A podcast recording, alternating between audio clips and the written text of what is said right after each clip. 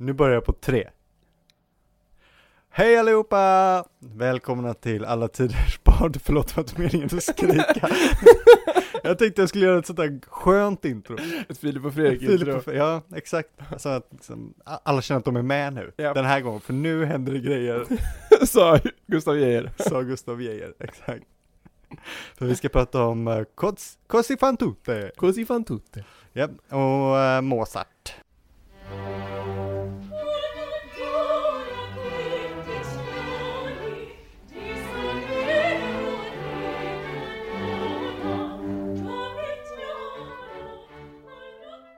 Um, Wolfgang Amadeus Mozart, han föds ju 1756 i Salzburg. Ja. Och eh, ja, som alla vet kanske var han lite av ett underbarn och reste Europa runt tillsammans med sin äldre syster som också var väldigt duktig på piano. Nannerl heter hon. Mm. Men som inte ja, hade möjlighet att få typ samma Nej, karriär det som... blir, det blir väl lätt så. Ja, och de uppträdde på hov och de var på, var på Versailles och i London och ja, över hela Europa liksom Ja. och besökte alla kungligheter och sådär. Familjen kom från vad man kan säga, alltså det lägsta borgerskapet Jaha. och var faktiskt ideologiskt väldigt um, misstroende mot adeln och aristokratin. Leopold var ju verkligen en sån här en praktisk och eh, förnuftig upplysningsmänniska kan man ju säga. Alltså, man tänker på honom som eh, föregångaren till liksom eh, eh, Joe Jackson. Så, vad heter det?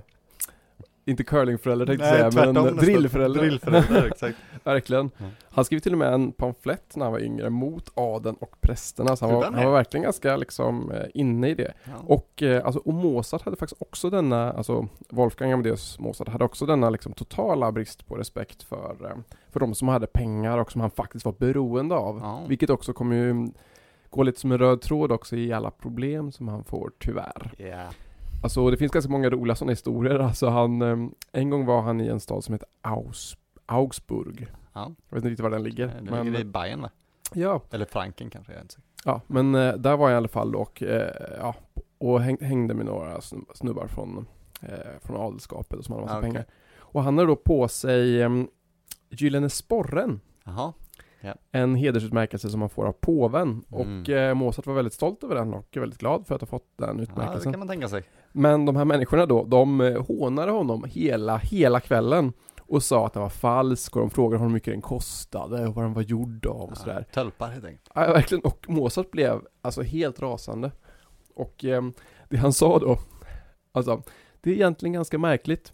Men det skulle faktiskt vara lättare för mig att få alla ordnar som ni kan erövra än för er att bli vad jag är. Om ni så skulle dö två gånger om och sedan födas igen. Ja.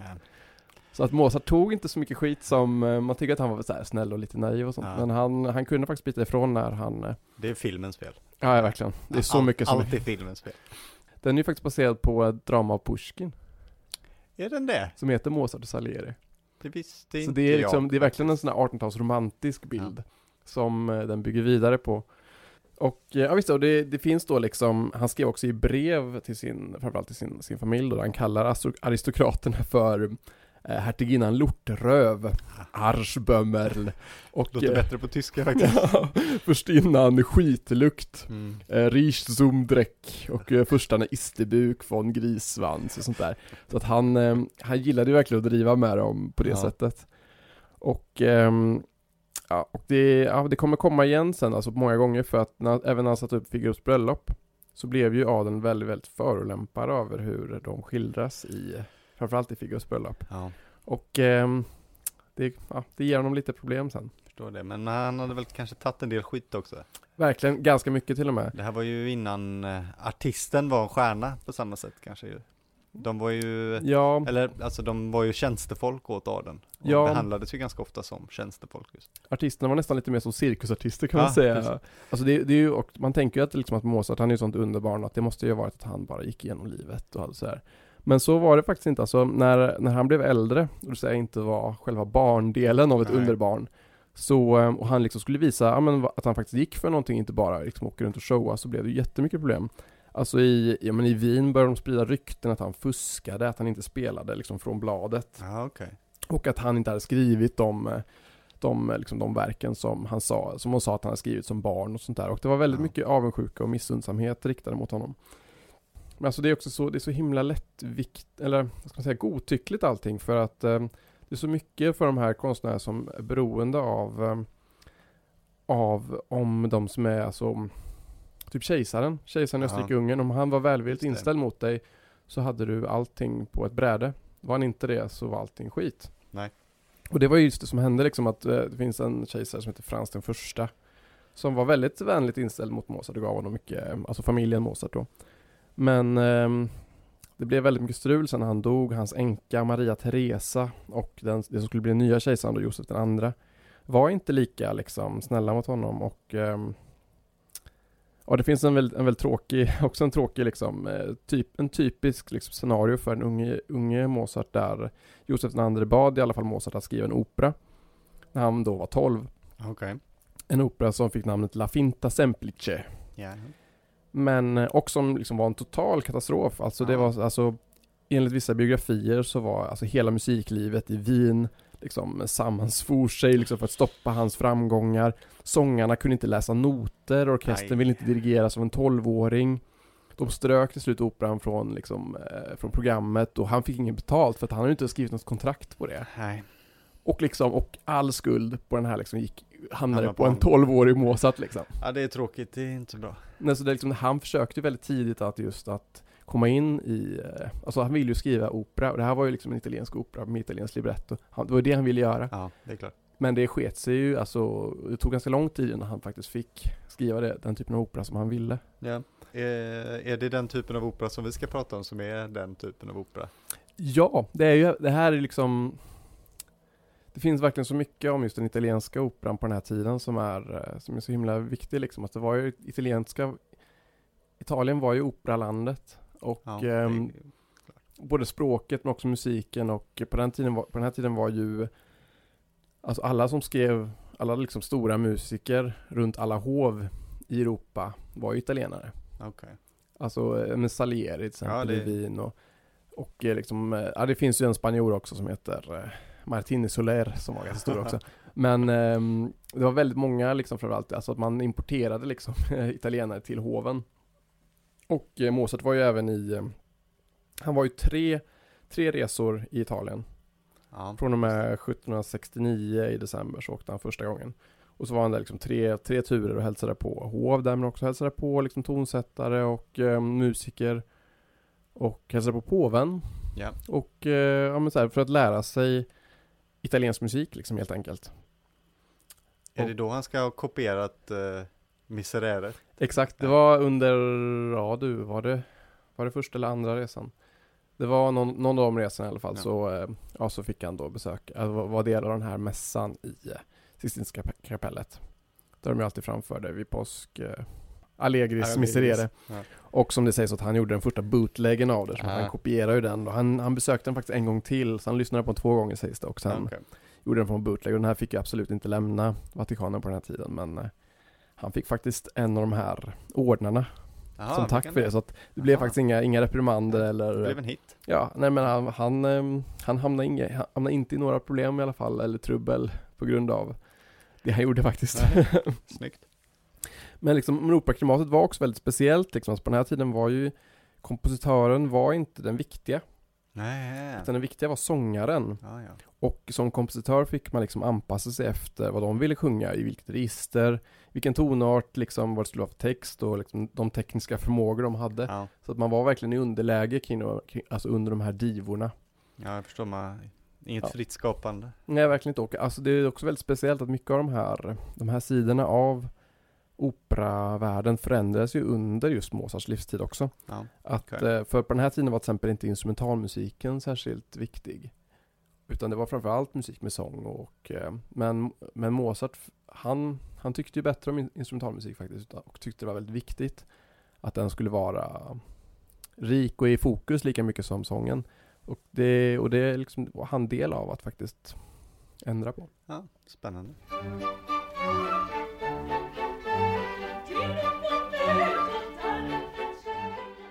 Han, han flänger liksom fram och tillbaka väldigt mycket mellan Salzburg och mellan eh, Wien och han är i Paris ett tag och han är i eh, Prag. Ja. Liksom all- allt för att få, han, han får ju liksom ingen riktig anställning. Han vill ju ha en, han vill ha en mecenat, han vill ha eh, en ordentlig inkomst som han förtjänar liksom. Och, eh, och det var en väldigt, det var en väldigt strulig tid för hans pappa ville ju att han skulle jobba i Salzburg, nära honom, nära familjen. Ja, rimligt.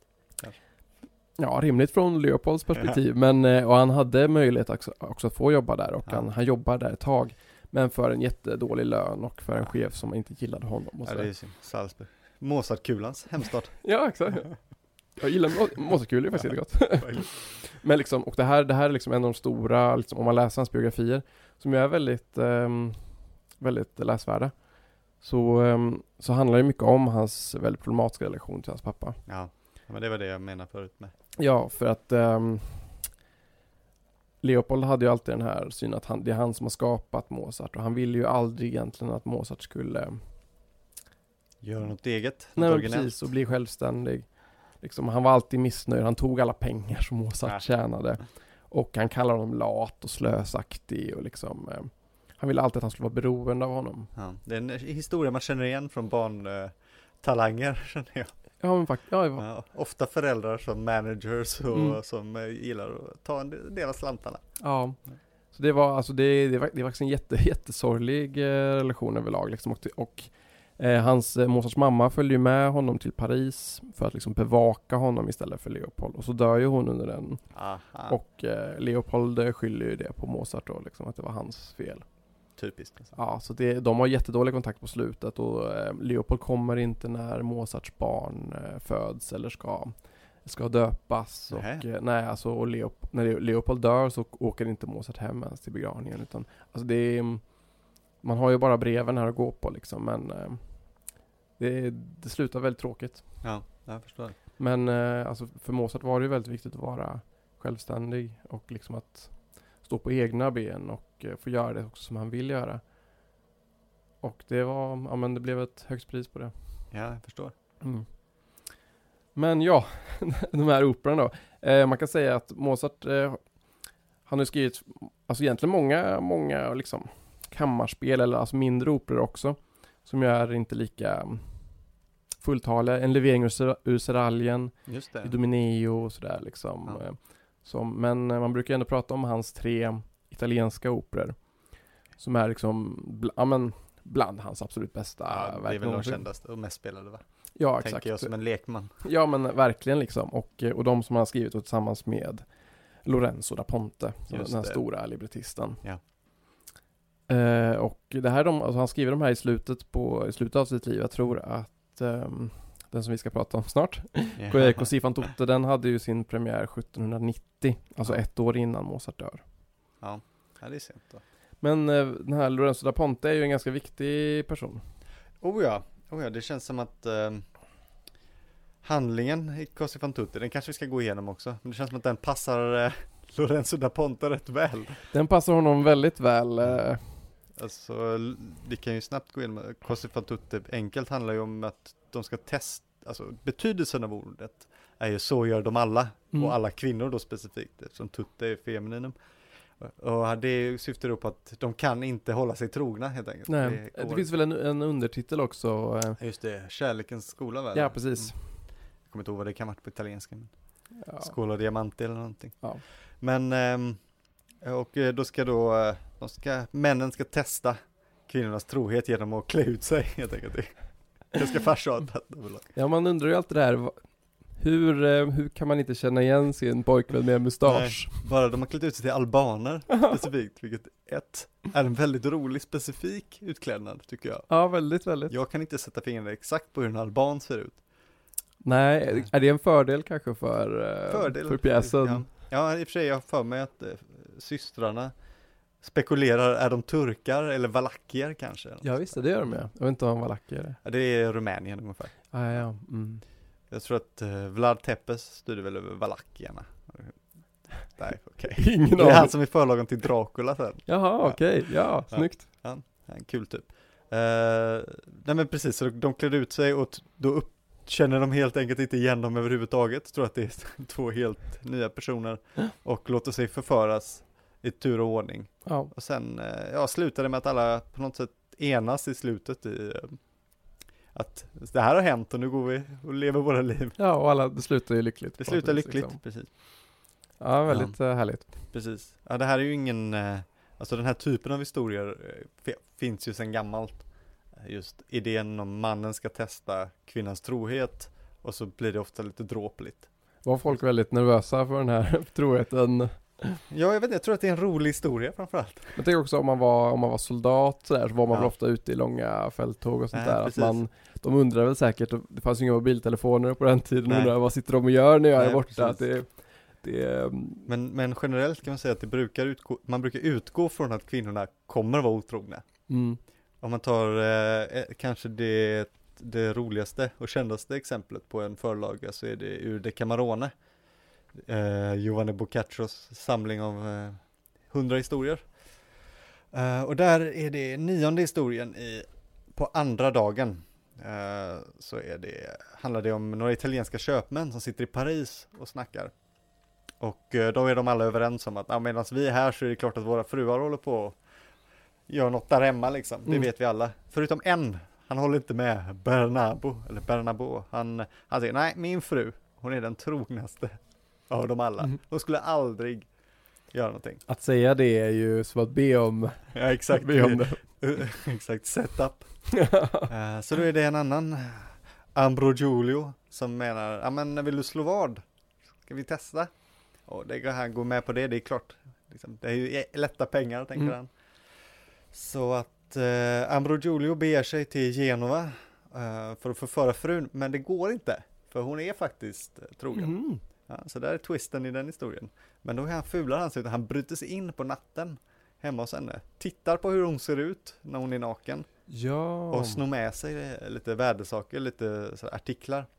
Och sen åker han då tillbaka till, eh, till Paris och visar upp dem. Och han tänker, jaha, ja men de här, men det här kan du ha snott sen. Ja men jag vet också att hon har ett märke under ena bröstet. Så då tänker han, ah fan. Så då ska han eh, hem och ge frugan, han ska smälla till henne, eller Ska döda inte henne döda tror jag. till och med? Jo, det ska han, jag ska läsa, jag har den texten med. Jo precis, Uchisa. Ja, Ja. Mm. Men eh, hon flyr och sen efter att hon har klätt ut sig och åkt till Alexandria och runt omkring så löser det sig i slutet och de ja, skönt. blir tillsammans igen i alla fall. Behöver inte dra hela. Men det, det är ju samma historia i, Mm. i grund och botten. En klassisk ehm, berättelse Ja, någonstans. precis. Det finns en, eh, den, eh, som också, det här går väl tillbaka antagligen på den från Ovidius, Kefalus och Procris, Mm. heter ursprungsmyten. Kan man säga. Den finns i lite olika versioner och även Ovidius har faktiskt två versioner. Ja, Han, han har med en version i eh, Kärlekens konst ja, ja. Och sen har den en annan längre version i Metamorfoserna. Men de, och de är lite olika men man kan ju liksom en, genom en kort version av hela myten säga att Kefalus är bortrest i åtta år. Och under tiden så, så blir han misstänksam mot att hans tjej kanske är, otro, kanske är otrogen, hans fru.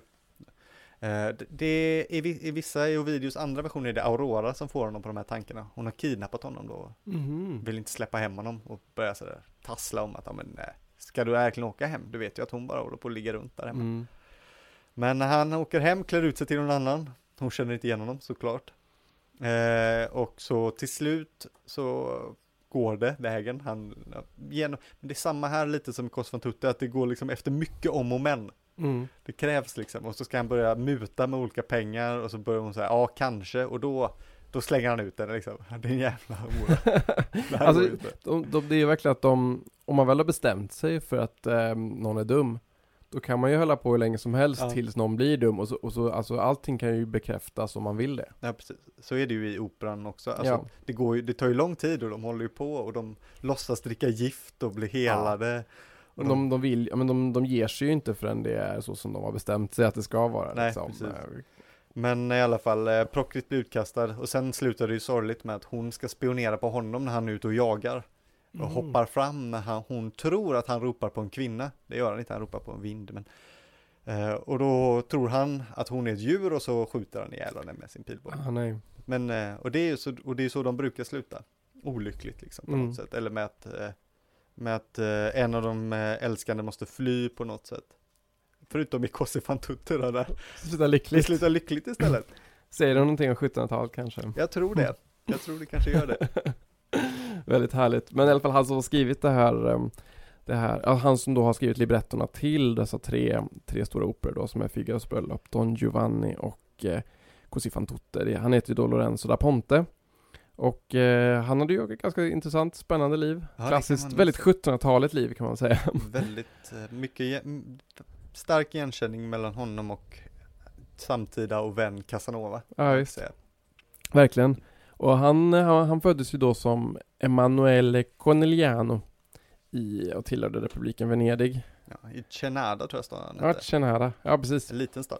Han var lite äldre än, än Mozart. Han föddes 1749 och dog 1838 i New York. Och eh, när han kom från en judisk familj och hans mamma dog när han var fem. Och eh, då ville hans pappa gifta om sig Ja. med en katolik och lät då hela familjen konvertera och Emanuele tog då eh, den biskop som utförde den här konverteringen, han tog då hans namn som var Lorenzo da Ponte. Ja. Standardpraxis. Ja det är det. Mm. Man behöll gärna inte sitt judiska namn. Nej, men ändå tar det rakt av. Ja, jo, det, det var väl, ansågs väl hedrande kanske. Ja. Biskopen vill lite, vill lite liksom, um, ska man säga, bevaka sitt, eh, sitt eh, vad heter trademark. Nej, kanske inte. Nej. Ska du leva på mitt Ska du leva på mitt namn? Precis. Men, och sen blev han prästvigd. Och men det, i hans memoarer så nämner han faktiskt inte sitt födelsenamn ens, utan han, han skriver bara att han tog det här namnet, men han skriver inte att han, vad han hette liksom. Nej, han refererade kanske aldrig till sig själv som det igen. Nej. Nej, det är väldigt intressant ändå. Men han blev i alla fall, ja, han blev väldigt duktig på latin och italienska till slut. Ja, han, eh, som många lärda pojkar blev han väl prästvigd, eller? Det Ja, var ju ja. den, Den skola man går i. den skola man går om man hade lite läshuvud. Mm. Och blir ju liksom väldigt duktig på framförallt skriva poesi på vers. Ja. Och de har inte jättemycket pengar i hans familj. Hans pappa var garvare. Ja, Och eh, det finns någon fin historia där han berättar att han, eh, han stal då kalvskinn från sin pappa som han bytte mot olika böcker i Aha. bokaffären. ja, det är fint. Ja, så kan det vara. Ehm, och han jobbar mycket som lärare. Han flyttar till Venedig. Där han har liksom de här klassiska historierna från 1700-talet. Han har en älskarinna ihop med någon gift kvinna har jag för Ja. mig. Och Ja. ehm, Det är Som jag har läst historien så, han, är prä, han blir präst där i en kyrka som heter San Luca. Mm, just det. Eh, men medans han gör det så delvis så, han bor inte där, utan han bor på en bordell någonstans i närheten. Mm. Där han är ansvarig för att sköta Sköta underhållningen, står det på Ja. jag, vet, inte- jag vet inte exakt vad det innebär, men han, han Det är inte liksom- underhållet, utan Nej, det är underhållningen. Exakt. Han, men han bor i alla fall där istället för att bo där han borde bo i prästbostaden. Eh, Men det här väcker egentligen ingen stor skandal. Nej. Det, det kunde vara, det var okej. Inte heller att han hade en älskarinna, för han präster då som nu var ju tvungen att vara celibata, men det var det att han höll det inte hemligt. Han, han, han, han gjorde det offentligt. Mm. Han, han gick runt med henne och då att hon var ju någon annans fru. Ja, inte så bra. Nej, det är det stora problemet Mm. kanske. Men det är så konstigt, alltså det, det är lite rörigt i hans memoarer kan jag tycka när det händer sådana här eh, lite mer kontroversiella händelser. Ja, okej. För det är inte alltid helt tydligt vad det är som händer kan jag tycka. Och liksom Jo, det kanske är medvetet också att det inte för jag har för mig att om jag, om jag läser det rätt Så han får inte undervisa längre för att han, han ska skriva någon form av tal Okej. Och han väljer något, ett ämne som är att eh, Alltså att människan är fri men blir liksom slav under lagarna. Jaha, alltså väldigt så här ja. liksom. Ja, Och, eh, och det att det liksom, ja men skapar massa rabalder typ. ja, Och att han blir till att det, det, man får inte säga sådana saker där. nej, Venedig var ju ett väldigt stängt samhälle. Mm. De som har varit i Venedig eh, kanske inte märker det, men det finns eh, massa olika stationer för hemlig polis och spionage och sådär. Det var extremt Jaha. välbevakat samhälle. Eh, Okej. Styrande makten slog ner väldigt hårt på yttrandefrihet och något form som ansågs revolutionärt. Man får ju lite intrycket av att det också är lite sådär Det är mycket spel och prostitution och sånt där. Det, Ja, liksom att, det, att det känns lite som en fristad också. Ja, en fristad, de levde ju på, på turismen re- redan då. Mm. Venedigs storhetstid som handelsstad var så länge över, utan nu levde man på sina kasinon. Det är ju Mm. ett vene- venetianskt stort kasino. Ja, ja visst ja. Ehm, men det var okej, det- sedlighet, ja, med vissa, vissa regler. Det Du får inte bli tagen. Det finns en, eh, en nej precis, men det finns en, en paradox i att Venedig är den här tiden staden med flest prostituerade och flest nunnor Aha. i Italien. Okej. Är det en, ehm, kommer det ena av det andra eller Det är det verkar- liksom en, att man försöker liksom väga upp det? Att, eh, Ja, ja, mycket möjligt där. De var liksom väldigt hårda på ehm, medborgarna och framförallt adens ära och, och, och heder. Men samtidigt så var de också måna om att få eh, göra vad de vill. Ja. Men eh, ja, så, så det är väl eh, den här lite moralen kanske som också har fostrat honom att bli den han är så att Ja, säga. verkligen. För att eh, det verkar som att ehm, förtal och eh, skandaler följer honom vart han än åker nästan. Oh, ja. Så att det som händer är att han åker ju sen till, eh, han reser därifrån eftersom han blir förvisad med en Horatius, en Dante och en Petrarca i fickan. Ja, Ja. snyggt. Och, och det är liksom, han tror sig att han har fått ett rekommendationsbrev till ett eh, jobb i Dresden. Just det, det här är en konstig historia, jag förstod Men det visar sig att eh, det är liksom, det är lur. Utan det är en snubbe som inte gillade honom i Venedig, som då har tagit emot ett brev från hans kompis eh, Matsola, Ja. tror jag. Liksom, och sen skrivit om det. Så att det låter som att han har ett jobb, ett jobberbjudet honom, men han säger egentligen att så här, jag skulle kanske eventuellt kunna fixa någonting på sikt. Ja, det är ett av de taskigaste practical jokesen Ja men verkligen. någonsin. Så han åker liksom dit då och bara så här, tja, ehm", och, liksom, och han, det, det roliga, han nämner inte från början att så här, hej nu är jag här för att jobba, utan han kommer dit och sen efter några dagar tänker han så här, men när, när, när ska du, när ska du berätta, när ska jag börja jobba då? Just det. Så till slut där så säger han, ehm, hade du inte någon, en grej för mig? Och då säger han, nej nej nej, jag skulle kanske kunna höra efter ifall det skulle kunna finnas en grej till dig. Jaha. Han bara, aha, okej. Nu då? Ja, så att eh, det är liksom, men han, han, det är då också han börjar intressera sig för opera.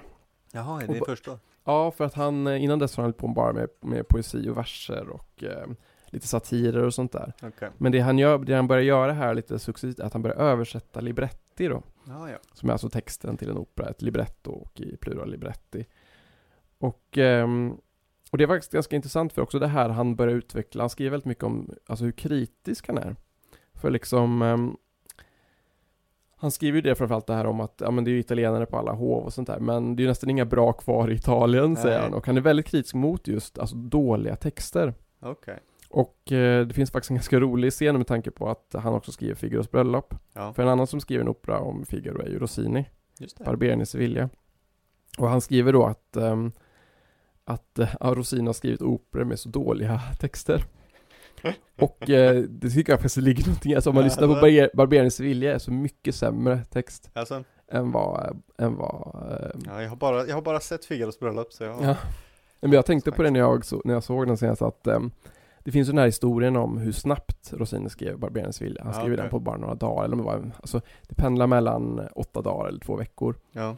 Och det man tänker på att texten skrevs ju samtidigt. Det sägs att de satt i samma hus och så fort han var färdig med liksom en scen så, så liksom skickade han den Ja, till ja. honom. Så texten är också skriven jävligt snabbt. Ja.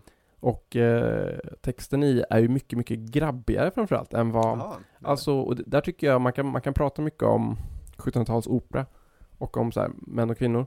Men Mozart har ju åtminstone riktiga roller med många scener och där de, alltså framförallt Ja. då duetter mellan kvinnor som pratar med varandra liksom. Ja, det är det ju. Det är tre, eh, tre, det är tre kvinnor och tre Ja. män i den här och kvinnorna är ju väl, står som huvudrollsinnehavare Ja. i rollistan. Och så är det liksom, så är det många av hans, alltså Mozart är väldigt duktig på att ge dem riktiga och bra roller och att de också sjunger med varandra. I Barberino och Sevilla finns det två kvinnoroller tror jag. Ja, Och de har inte en enda duett. nej.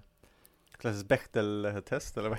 jag kan tycka att det är, det är lite skandal faktiskt. Alltså, Men eh, han får sen i alla fall, eh, Lorenzo da Ponte får ett brev då, en rekommendationsbrev till eh, Salieri ja, ja. och, och kommer då i kontakt med kejsar Josef den andra då i Wien. Som, ja men till slut börjar ge honom lite jobb och eh, han börjar skriva liksom libretton där då till de tonsättare som är igång. Och det är framförallt Salieri och den här spanska tonsättaren som heter Martini Soler och som i biografin brukar kallas eh, Martini spanjoren. Snyggt. Så de har gjort ett eh, italienskt namn av hans spanska namn. Ja, exakt. Som, vilket är, och man får då inte blanda ihop dem, för det finns ju faktiskt en, en italiensk tonsättare som heter Martini. Ah, ja, det är därför han är spanjoren ja. Ja, precis som, eh, han är från Bologna tror jag. Okej. Så man får liksom, och är, eh, jag tror att han är redan lite äldre än de andra. Så man får inte blanda ihop de två. Nej, Men Martini Soler heter han. och så får han till slut skriva för Mozart. Ja. Ehm, och ehm, ja, han skriver ju faktiskt inte så mycket om ehm, Mozart i sina memoarer, eh, Lorenzo da Ponte, utan det är alltså han, han skriver inte så mycket hur det går till liksom. Det han skriver typ är att, att Mozart har eh, talanger som är större än någon innan och senare. Ja, det, Men är ändå, det är ändå mycket. Ja, men alltså både han och eh, Haydn säger ju redan, alltså under hans levnad, att det här är det största som någonsin har liksom, okej. att det finns ingen tonsättare som Mozart. Men det är bara att de som har pengarna och makten inte vill erkänna det. Nej, det är väl lätt så. Ja, tyvärr. Och eh, han säger också att, eh, ja precis, det är på grund av alla intriger i Wien som Mozart lever fattig och eh, relativt okänd. Han säger att han är en juvel begravd i jordens tarmar. Ja, Och då frågar Mozart honom om han vill skriva libretto till först Figaros bröllop. Att det är Mozarts förslag då faktiskt, Ja. enligt den här memoarerna då i alla fall. Och det är fast att eh, själva då den teater som den är baserad på, alltså Pierre Beaumarchais eh, Ja, den var förbjuden där. Ja, den var förbjuden i, alltså i, av en tysk teater, ville sätta upp den och fick inte det. Nej, okej. På grund av kejsaren. Men ehm, Ja, för den är väl eh, ganska revolutionär. på något den är väldigt revolutionär. Han, eh, han beskrivs ju ofta som eh, en revolutionär Beaumarchais och, Ja. ehm, och Men det här är väldigt intressant då för att ehm, Ibland tror man att, eh, att det var Josef den andra som liksom inte ville, alltså att han var emot Figaros bröllop. Ja, Men det var han inte, han var emot den här teateruppsättningen men han var, han var för att de skulle sätta upp den för att Alltså just den andra var väldigt ehm, Alltså han var väldigt reformsinnad ja, och ja. hade faktiskt ett intresse av att begränsa adelns makt. Ja, då så. Så den här tyckte han passade ganska, ganska väl in liksom. Ja, jag har ju sett den. Den är ju inte så Alltså revolutionär. Det är ju en skurk som är en adelsman. Men det... Jo, fast den är liksom, den är ju nästan lite ehm, Alltså den, den handlar ju, handlar ju om en greve då, Almaviva, som Ja. vill liksom, han vill ju utnyttja en eh, medeltida sed. Just det. Det är ju en klassisk myt. Den Ja, eh, precis. Primanoptis, eh, myt. Just Prima Noctis, ja, liksom, folk är, jag tror att Men då tror jag man trodde att den har ja, funnits jo, tror jag. det, det, Som ju går ut på att det är många som fortfarande tror att den, Ja, den har funnits. liksom, men den är ju, han är, ju- den är ju så otroligt liksom sjuk och pervers liksom. Att Ja. den här, den här greven då ska ha rätt till den första natten med alla nygifta brudar under honom liksom. Och, ehm, och, eh, och han, så han liksom godkänner att de ska sätta upp den här och ehm, de, det tar ungefär sex veckor tror jag att skriva den. Eh, ja, och efter det så skriver de Don Giovanni. Och efter det Così fan tutte. Och det enda som egentligen eh, liksom Da Ponte skriver om det är alltså hur populära de blir. Att det är, Ja. det är liksom några av väldigt få operor som sätts upp många gånger. Och De tillhör väl eh, riktigt, a, riktiga A-laget av operor fortfarande. Ja, ja, gud ja, gud ja. De är ju otroligt mycket uppsatta liksom. Ja, och... Eh, men liksom det här, ja, även här då kommer det sen med tiden bli väldigt struligt. Och eh, ja, det, alltså Salieri nämns ju liksom som... I, i Mozart-biografier brukar man ju vara väldigt noga med att säga att, det, att han absolut inte var som i Amadeus-filmen. Men eh, han är ju absolut inte schysst. Nej, In, inte, enligt, inte enligt liksom eh, Lorenzo da Pontes memoarer. För där är ju han lite på, alltså att han är väldigt självisk och han är väldigt, han vill ju överglänsa Mozart och han är taskig och han hänger mycket med en, en annan librettist Ja, som heter Casti. okej. Som är alltså da Pontes stora, Rival eller? ja, rival och fiende och eh, det kommer massa olika intriger och de bråkar jättemycket och sen, ja, det blir en massa strul med en operasångerska där då. Som då liksom, ja, som gör att Lorenzo da Ponte måste gå i exil igen då efter 11 år i Wien Ja. liksom och bli bannlyst därifrån. En, en, en typisk historia för honom. Ja, verkligen. Och, eh, ja, och efter det så eh, åker han via Paris till London och sen USA. Där han då hamnar. Ja. Ett fantastiskt liv. Ja, verkligen. Extraordinär människa. precis. ja, han var väl med, han grundade ju den första italienska teatern i New York tror jag. Ja. Som sen på något håll blev den nationell teater, na- the national theater. Ja visst, och, ja, men han gjorde väl mycket för att sprida italiensk kultur och italienska språket då när han var i... Han var ju italien, italienska lärare. Ja. Jobbade på Columbia University Ja visst ja. som den första jude och katolik. Ja. Samma. Två grupper att Två grupper representera. att representera. Det är snyggt. Mm. Det är få som är så, eh, får in så, två så stora grupper också. Ja verkligen, verkligen.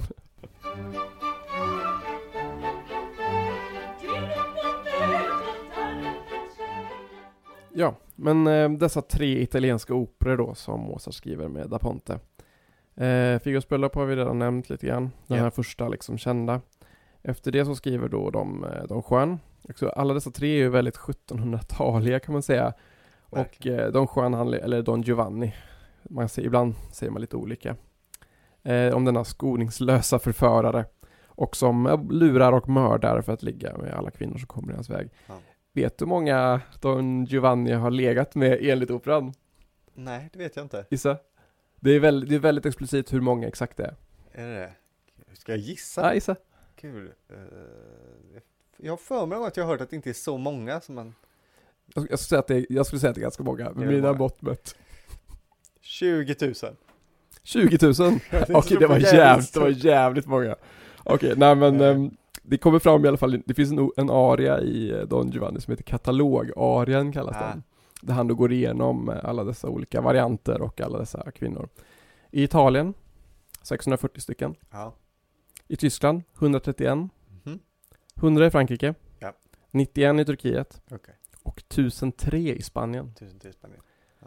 Enligt mina räkningar blev det då 100, 1965 stycken. Ja, jo, det är ju, det är ju, det är ju, det är ju rätt många. Jag vet inte, men det känns ändå färre än vad jag förväntat Ja, 20 000, alltså det, Ja. är det ens möjligt? Nej, jag vet inte, men man har ju sån här... eh, Inte ens Gene Simmons har väl legat med på 20 000? Människor som Gene Simmons håller på och skryter om eh, liksom astronomiska summor då tänker man ju att, Men vad har han sagt då? jag vet inte, i tusentalet någonting Ja. i alla fall.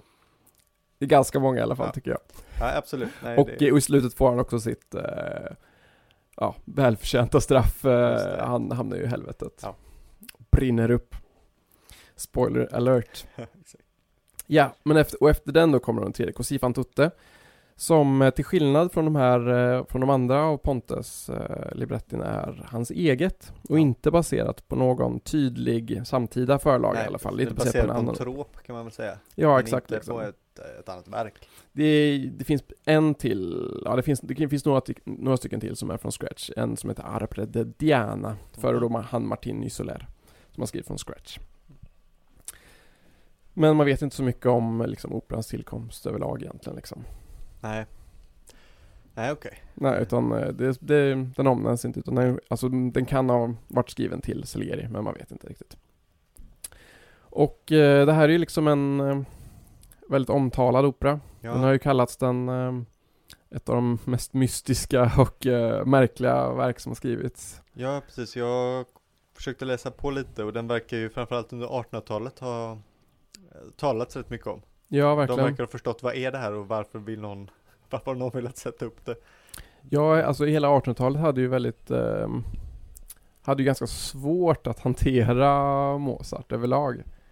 Med tanke på hans humor och eh, han, eh, familjen Mozart tyckte mycket om att, ja men de tyckte om att skoja, de gillade ordpi- ordpussel och eh, de gillade att skriva om sina namn och eh, Mozart hette ju inte Amadeus egentligen, han hette ju Amadé. Den Jaha, franska versionen egentligen. Och Jaha. han gillar ju att, att signera, signera sina brev på alltså, olika stavningar och olika språk. Alltså han kunde skriva sitt namn Mocerti Ja, med massa sätan och sånt där. Och min favorit är ju när han, skriver, att han, när han skriver sitt namn eh, baklänges. Ja. Tra som eh, Gnagflow, gnäggt. Ja. som är coolt. Så Ja, han, han gillade ju mycket sådana saker och han Ja. gillade ju att han har, han har använt ganska mustigt språk i sina brev. Saker som 1800-tals akademiker inte tycker om. Absolut inte tyckte Nej. om och han har gjort ett kanon ju på det här eh, på en, eh, en Ja, latinsk just vers som blir eh, Lick eh, mein Arsch eller något sånt där. Det är en latinsk text men, men den får den här, på tyska blir det i alla fall eh, Slicka kyss- mig i röven. Ja exakt. Och sådana här saker har ju inte 1800-talet eh, haft så himla lätt att hantera. Nej, Eftersom om man skriver eh, så här bra musik och är så här upphöjd så kan man ju inte gilla sådana här saker. Nej, precis. När jag läste en, eh, någon tolkning av att Così fan tutte måste vara baserad på en verklig historia. Det var det enda sättet att ursäkta att man hade kommit på en så Smutsig. smutsig historia. Vilket ju är bisarrt liksom. Helt bisarrt. Och där, det här ryktet om att Mozart skulle ha Tourettes Det är ju det sjukaste som någonsin har formulerats. Ja. Det är ju, det är ju helt bisarrt. Sånt här, ja. Sånt här har ju tyvärr legat eh, många mm, eh, legat många till eh, i fatet sedan dess. Ja, alltså visst. många, många skapande och även antik poesi har ju fått lida mycket för den eh, liksom, kötsliga delarna. Mm. Men om Mozart har Tourettes, då har jag det också och alla mina vänner. Jo, absolut. Nästan alla människor jag har träffat. Ja. Har uppenbarligen Tourettes då. men eh, i alla fall, men den här handlingen då liksom, alltså Jag tycker då kanske inte att den handlar om att eh, just att kvinnor är opolitliga Eller att Nej. de av naturen är lätta på foten liksom, men alltså 1700-talet är ju liksom inte en Är ju inte en moralistisk tid Nej, Som verkligen inte. 1800-talet var, eller som vår tid också är Nej. Alltså 1700-talets liksom komiska teater och opera, den handlar ju om att visa människors brister och deras fåfänga och avundsjuka och barnslighet, men inte att döma dem, utan att liksom förlåta dessa felsteg, eller ska Ja. säga, för att, för att det är en del av vara människa liksom. Det tycker jag lyser igenom i, i framförallt sista akten. Och Mm. kanske de, bland de sista scenerna. Väldigt mycket. Ja, verkligen. Alltså, hade det här varit en, en 1800-talsopera och eh, då hade det varit en tragedi och då hade alla dött. Ja, exakt. Nej, precis. För att det är så det går när du är otrogen på 1800-talet. Ja. Då blir man ihjälhuggen liksom. Men eh, jag tänkte i alla fall, eh, mitt case här då, Ja, är let's hear it. Yes, det är att eh, argumentera för att det här är en typisk 1700-tals upplysningsopera Ja, och på ett sätt därför antiromantisk. ja, ja. Och som till och med går i konflikt med de romantiska ideal som är på väg fram. ja. Alltså de romantiska ideal som har romantiken till. Exakt, som hör 1800-talet till. Och den här operan var ju, var ju också förbjuden hela 1800-talet. Ja, Vilket ju, alltså det är ju så svårt att tänka sig idag att Mozart skulle ha varit så radikal Verkligen. att han ska förbjudas. jag har läst ehm, att, eh, att dels då spelades ju inte i USA förrän 1922. Ja, det är sjukt. Vilket är ju galet. Men sen även att den har spelats framförallt under de här tiderna i en så kallad bolderiserad version. Kommer från en man som heter Boulder. Ja, jag tänkte på Bold. Nej, en man Thomas Boulder. Mm. Han. han var en britt som var eh, lite puritansk av sig så han skrev om framförallt Shakespeare-pjäser. Eller skrev inte om, han, han rev, tog bort saker som ansågs för fult. Och det här, det här spelet har ju spelats mycket. Kanske han är främst känd för sina Shakespeare-versioner. Okej. och de innehåller ju också mycket av den här typen av saker. Sina Shakespeare-censureringar alltså Ja, precis. Ja. Ja. Shit, vad sjukt. Och även Cossi fan tutte då fick lida av det här, vilket är svårt att veta vad som blir kvar. Det känns också som att den blir, att den klipper. säkert make less sense. Ja, det också tror om jag man också. tar bort en massa Ja. delar. Precis. Ja, jag har inte koll på exakt vad han gjorde av den. Ja. Eller om det var han personligen eller en efterföljare. Men, ja. men det var i alla fall den typen av alltså, klippta versioner som spelades. Ja. Men om man liksom ska, eh, om man ska börja liksom ta sig an själva ämnet då. Alltså temat rent, eh, ska man säga, rent, rent konkret, det är ju om känslor är konstanta eller om de förändras. Ja. Och i så fall hur lätt ens känslor kan förändras. Mm. Och handlingen består då av att det är två unga män och två unga kvinnor som är vilt, eh, två systrar va? Som är vilt förälskade i varandra. Men, eh, men de, här, de här unga männens då väldigt passionerade kärlek hamnar liksom i konflikt med eh, en äldre herre som heter Don Alfonso. Som kan verka lite som en cyniker. Ja. Han tycker liksom inte att man kan lita på kvinnor. Nej, precis. Det är väl hans, hans case, i alla fall i början. Ja, att så här, eh, ja men om de får chans kommer de att bedra dig. Det är, ju, det är ju väldigt likt Boccaccios version i Decamerone, det är att de skryter ju väldigt Ja. mycket om hur trogna de här alltså, Ja, de är otroligt upp- självsäkra och Precis. eh, på gränsen till eh, lite, ja, avskyvärt arroganta. Ja, kan man verkligen. Det är frågan hur mycket det handlar om kvinnorna och hur mycket det handlar om dem själva. Ja, att liksom ingen skulle någonsin kunna bedra dem, Nej, för de är ju precis. så fulländade och fantastiska. Och då slår de här vad i alla fall att, eh, att om, eh, om de då ska liksom försvinna därifrån, att de, ifall de går i krig, så kommer de, deras flickvänner vara otrogna mot dem, slår då Don Alfonso vad med de här om och de här själva anser ju att det är totalt otänkbart. Ja, precis. Och eh, det här är liksom en, vad ska man säga, en triangel och den, den återupprepas ju då alltså väldigt symmetriskt på kvinnornas sida. Ja. För de, de har då en äldre tjänsteflicka, kan man säga. Som hon kanske inte är liksom en cyniker riktigt, men hon, hon tror inte på sann kärlek inom Nej. citationstecken. Precis. För henne är kärleken något man tar med en klackspark, det är underhållning, en das, dags förströelse. Och, ehm, och hon kan liksom inte förstå de här unga damernas lojalitet och besatta kärlek för dessa unga män. Nej. För det finns ju så många andra. Ja, Varför sitter de och väntar och håller på liksom?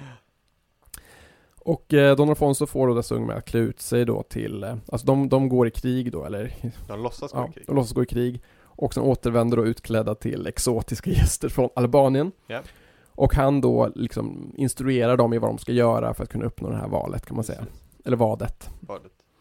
Och ska för, då försöka förföra varandras flickvän då. Eh, men, eh, de här, men det går ju liksom inte som man tror riktigt. Det går inte så lätt i alla fall som Nej, Don Alfonso tänker som att det han borde tänker, göra. Utan det tar ju, det tar ju flera scener. Det är ju inte förrän in i andra akten som det händer någonting. Och den Nej, är alltså, bara de, två är ju, akter. de gör ju liksom våldsamt motstånd kan man väl Ja, nästan säga liksom. Verkligen. Och um, fastän de unga männen liksom stormar in och bedyrar sin kärlek och till och med använder sig av alltså, emotionell utpressning. Ja. ja, de låtsas ju dricka gift båda och hamnar i någon sorts nära döden tillstånd. Ja, som bara deras kärlek kan rädda dem Ja, ifrån. precis. alltså det är väldigt, verkligen utpressning att så här, Ja. jag, jag dör bokstavligt talat om inte du eh, Jag älskar gillar också mig. där hon känner innan Despina, hon dyker upp i olika kostymer. Ja. Där spelar hon läkaren. Ja, just Väldigt, eh, det är ganska roligt också. Ganska roligt. Eh, men, ehm, men i andra akten så blir ju de, de blir ju fast bundna i varandra. Ja, just det. Och liksom eh, med någon form av, eh, alltså i den uppsättning vi har sett, eh, vi kan ju säga vilken uppsättning, Ja, vi har sett, vi vi har då sett en uppsättning med, på Youtube, med en dirigent som heter John Elliot Gardner under hans tid vid Théâtre du Châtelet i Paris. Ja. Och han har gjort jätte, jättefina uppsättningar liksom från början på 90-talet av, alltså alla de här tre då, Figaros bröllop och Don Giovanni och Così fan tutte. Väldigt bra, jag gillade framförallt de har använt sig av, eh, vad heter det, målningar i bakgrunden. Glöm bort vad det tekniskt. kulisser. Kulisser. Mm. Exakt. Eh, målade kulisser som är väldigt fina tycker jag. Det är väldigt så här, det utspelar sig i Neapel Mm. med stora Vesuvius eh, backdrops Mm. och mycket aloe veror och sånt där. Det är väldigt bra känsla tycker jag på det. Ja, och liksom, och alla finns på Youtube filmade Ja. med engelsk text. De finns också Precis. på Youtube, eller på, eh, på Spotify, fint inspelade. Det är ett liksom. allmänt tips till alla. Både opera och teater finns ju väldigt mycket inspelat på Youtube. Ja. Det är ju inte som live men det är ju Men det är ändå med text och Ja, allting liksom. Det är ju det. nästan lättare att läsa med text på Youtube än vad det är att göra på Ja. ett operahus Ja, när det framförallt. är uppe i taket hela tiden. Det beror framförallt om de sitter på de dyra sät, äh, sitsarna som Carl Magnus gör. Det är lättare uppe på läktaren, där har man alltid en... eh, Där fick jag mig en bärs. Ja, jag, så, ja, jag, det, jag tar den, jag tar den. Jag, jag vill sitta på, jag vill sitta på Jo, jo, jag Paket. förstår det. Men den här serien är i alla fall väldigt fin också för att um, Väldigt musikaliskt också för att det är nästan ingen, ingen bakgrundsmusik här Nej. Utan det kommer, um, i recitativen så är det bara några nedslag på cembalon Annars är det tyst hela tiden, så det blir väldigt mycket så här awkward pauser Ja. liksom i Som liksom, um, för att liksom uh, understryka tystnaderna, Precis. alltså att de trevar sig fram socialt Så det är väldigt finkänsligt och Ja. fint um, De är lite svårt att säga, vet vad de ska säga väl? De står där Ja. och börjar, börjar prata om vädret och sånt Ja men verkligen, och sen när det då blir helt tyst emellan Mm. så blir det verkligen så här um, Ja men man känner ju igen scenariot så att säga Ja. Från livet, och det är, väldigt, ja, det är väldigt fint liksom gestaltat den. Men ja, till slut i alla fall då så förför ju dessa unga män de här tjejerna ja, Alltså de gör ju det mot sin egen vilja egentligen. De har ju svurit sin soldated på att de ska göra allting som eh, som. Ja precis, och de vill ju heller inte det efter, alltså göra det liksom. Men ehm, Och en ger, ger efter först, eller vad man ska säga. Och en gör inte det till en början, men Gör också det till slut. Ja. Och ehm, Det finns ju liksom lite olika scener som man kan göra att man eh, kanske Uppfattar denna opera som lite eh, Ja men lite kvinnofientlig kanske och det är väl det som händer här då för att ehm, han som um, vars tjej inte blir förförd Han eh, håller då en lång, alltså ett långt tal kan man säga om eh, hur kvinnor är och att de inte har någon heder. Nej, precis. Och, men, men han menar ju inte riktigt det heller i, i dramat liksom, utan han gör ju det för att trösta sin kompis vars Ja. flickvän han precis har legat med. Exakt. Så att liksom att han försöker ju liksom säga att det är hennes fel, att Ja. hon inte har en heder. Men han har ju liksom svikit sin polare lite grann. Ja. Sen vänder han ju på det och börjar prata om hur, hur självklart det är att hans tjej inte varit otrogen. Ja exakt. Han är ju Gizmondo. Ingen kan ju vara otrogen mot Gizmondo. Och ingen kan motstå honom heller. Nej, exakt. Så att, eh, men det ska han äta upp sen. ja, det visar sig ju inte stämma. Och han blir ju argast av alla när det Ja, han har ju sitt manliga ego verkligen. Exakt. Eh, Det är en väldigt, väldigt rolig eh, liksom, gestaltning av manligt ego och Ja, självsäkerhet. Men då blir det, för sen då efteråt när alla, när allt har skett och båda kvinnorna har varit otrogna, då är de ju då tänker man ju nu, nu händer det grejer, nu, männen är ju skitsura båda två. Mm. Men då håller ju Don Alfonso sitt stora tal för att eh, lugna situationen. Ja men verkligen, och det, han menar då att eh, Ja, han har ju haft rätt och han berättar att kvinnor ändrar sina känslor hela tiden. Och, eh, men då att en man får klandra sig själv om han blir bedragen. Det. Och eh, det är då som då Don Alfonso eh, säger själva titeln och Così fan tutte, så gör de alla. Ja. Och, eh, och får dessa unga män då att repetera det, att han, ja, han har väl liksom fått igenom sitt, eh, sin argumentation Ja, och fått över dem på sin sida kan man väl säga. Och han leder ju också in dem med att den enda lösningen nu är att ni måste gifta er med dem. Ja, Vilket ju de absolut inte är sugna på. Nej precis, han, eh, ja men de är ju rasande liksom så han får ju ändå dem att eh, lugna, lugna ner sig lite Ja. grann.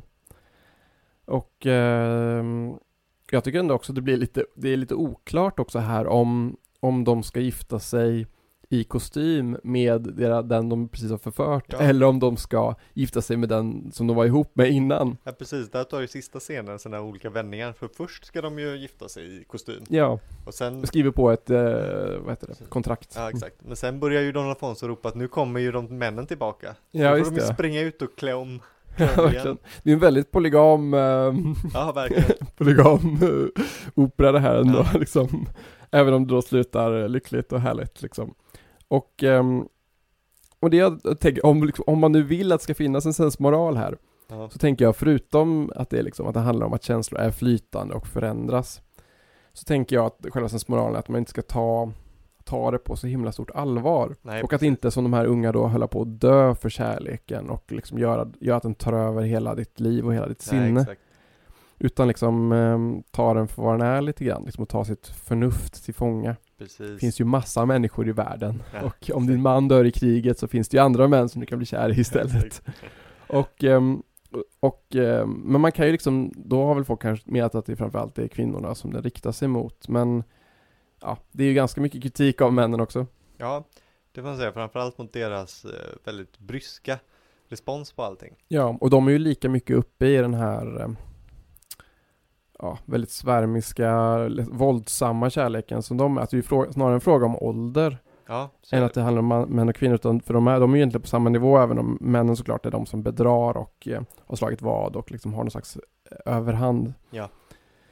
Men eh, jag tänker då i alla fall att man kan liksom, man kanske, kanske ser den här moralen som en form av kritik då till den romantiska kärleken som är på att växa fram samtidigt. Ja, Och då tänker jag på alltså Den unge Werthers lidanden av Goethe som ju kom 1774. Alltså 16 år innan. Ja, det, ja det, det känns konstigt men självklart på något sätt. Ja. Jag, ja. Och den liksom, det sägs ju att eh, den här boken då, Goethes bok, att den ledde till att en massa unga pojkar Ja, unga pojkar tog livet av sig på grund av obesvarad kärlek. Ja. Boken förbjöds ju också i Danmark, i Leipzig och i Italien. Ja. Så den var ju förbjuden liksom på det språket. Ja, Jag har ju läst den själv när jag var i tonåren. Den är ju väldigt, eh, den ligger väl, den ligger en eh, nära då. Den är ju väldigt är gravallvarlig också. Ja, Den ja, är ju den verkligen, gravallvarlig. som, som eh, de unga, ungas kärlek är, den är ju väldigt allvarlig. Och liksom det är som att den här operan vill säga, ta det lite lugnt. Ja. ja, det är inga skämt med. Nej, verkligen inte. Inga vitsar. Nej, precis. Och, ehm, och det är ju liksom, det är väldigt intressant tycker jag också att ställa dem mot varandra, som att Goethe var ju äldre än Mozart. Även om han är liksom mer förknippad med det romantiska 1800-talet än, än upplysningen där han ju fostrades så, som Ja. universalgeni han också. Och vetenskapsman och eh, Det är sant. han har väl något, eh, har inte han något grundämne uppkallat efter sig och sånt där. Jo, det har han väl, men eh, det lämnar vi, Mm. okunskapen Han, upptäckt, han upptäckte ett ben i käk, ett käk, något av benen i det? käken tror jag. Ah, Som, han upptäckte ju massa grejer. ja, det är snyggt gjort.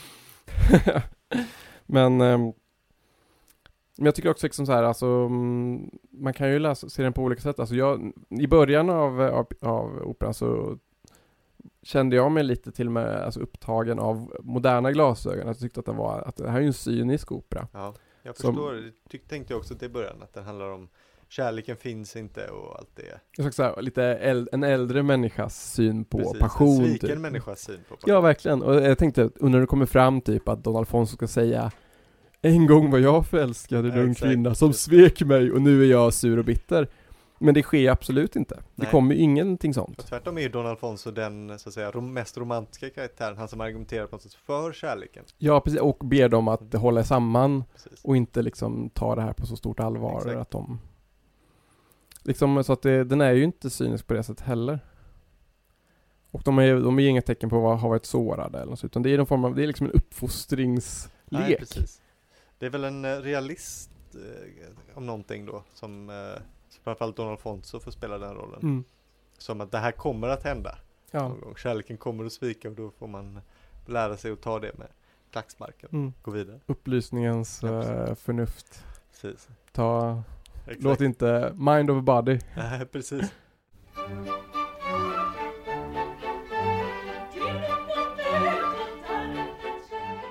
Jo, jag hade en, bara en rolig, en rolig detalj. Det är ju att kvinnorna eh, enligt rollistan, sen nämns det i sista scenen, är från Ferrara. Ja. En stad som inte alla känner till men som jag har viss anknytning till. Jag bodde, där, i. jag bodde där ett tag. En stad som ah, folk borde ha bättre koll på. Var ligger den först då? Den ligger i Emilia Romagna, så den ligger precis eh, mitt norr, i, nära Bologna. Mm. En stad som idag är ganska liten och obetydlig men som eh, framförallt under renässansen var en ganska viktig stad. Mm. Men det, eh, så det tyckte jag var roligt. Men det visade sig att eh, det här kanske har att göra med att den första huvudrollsinnehavaren, den första Ja. att spela Fiordiligi var från Ferrara.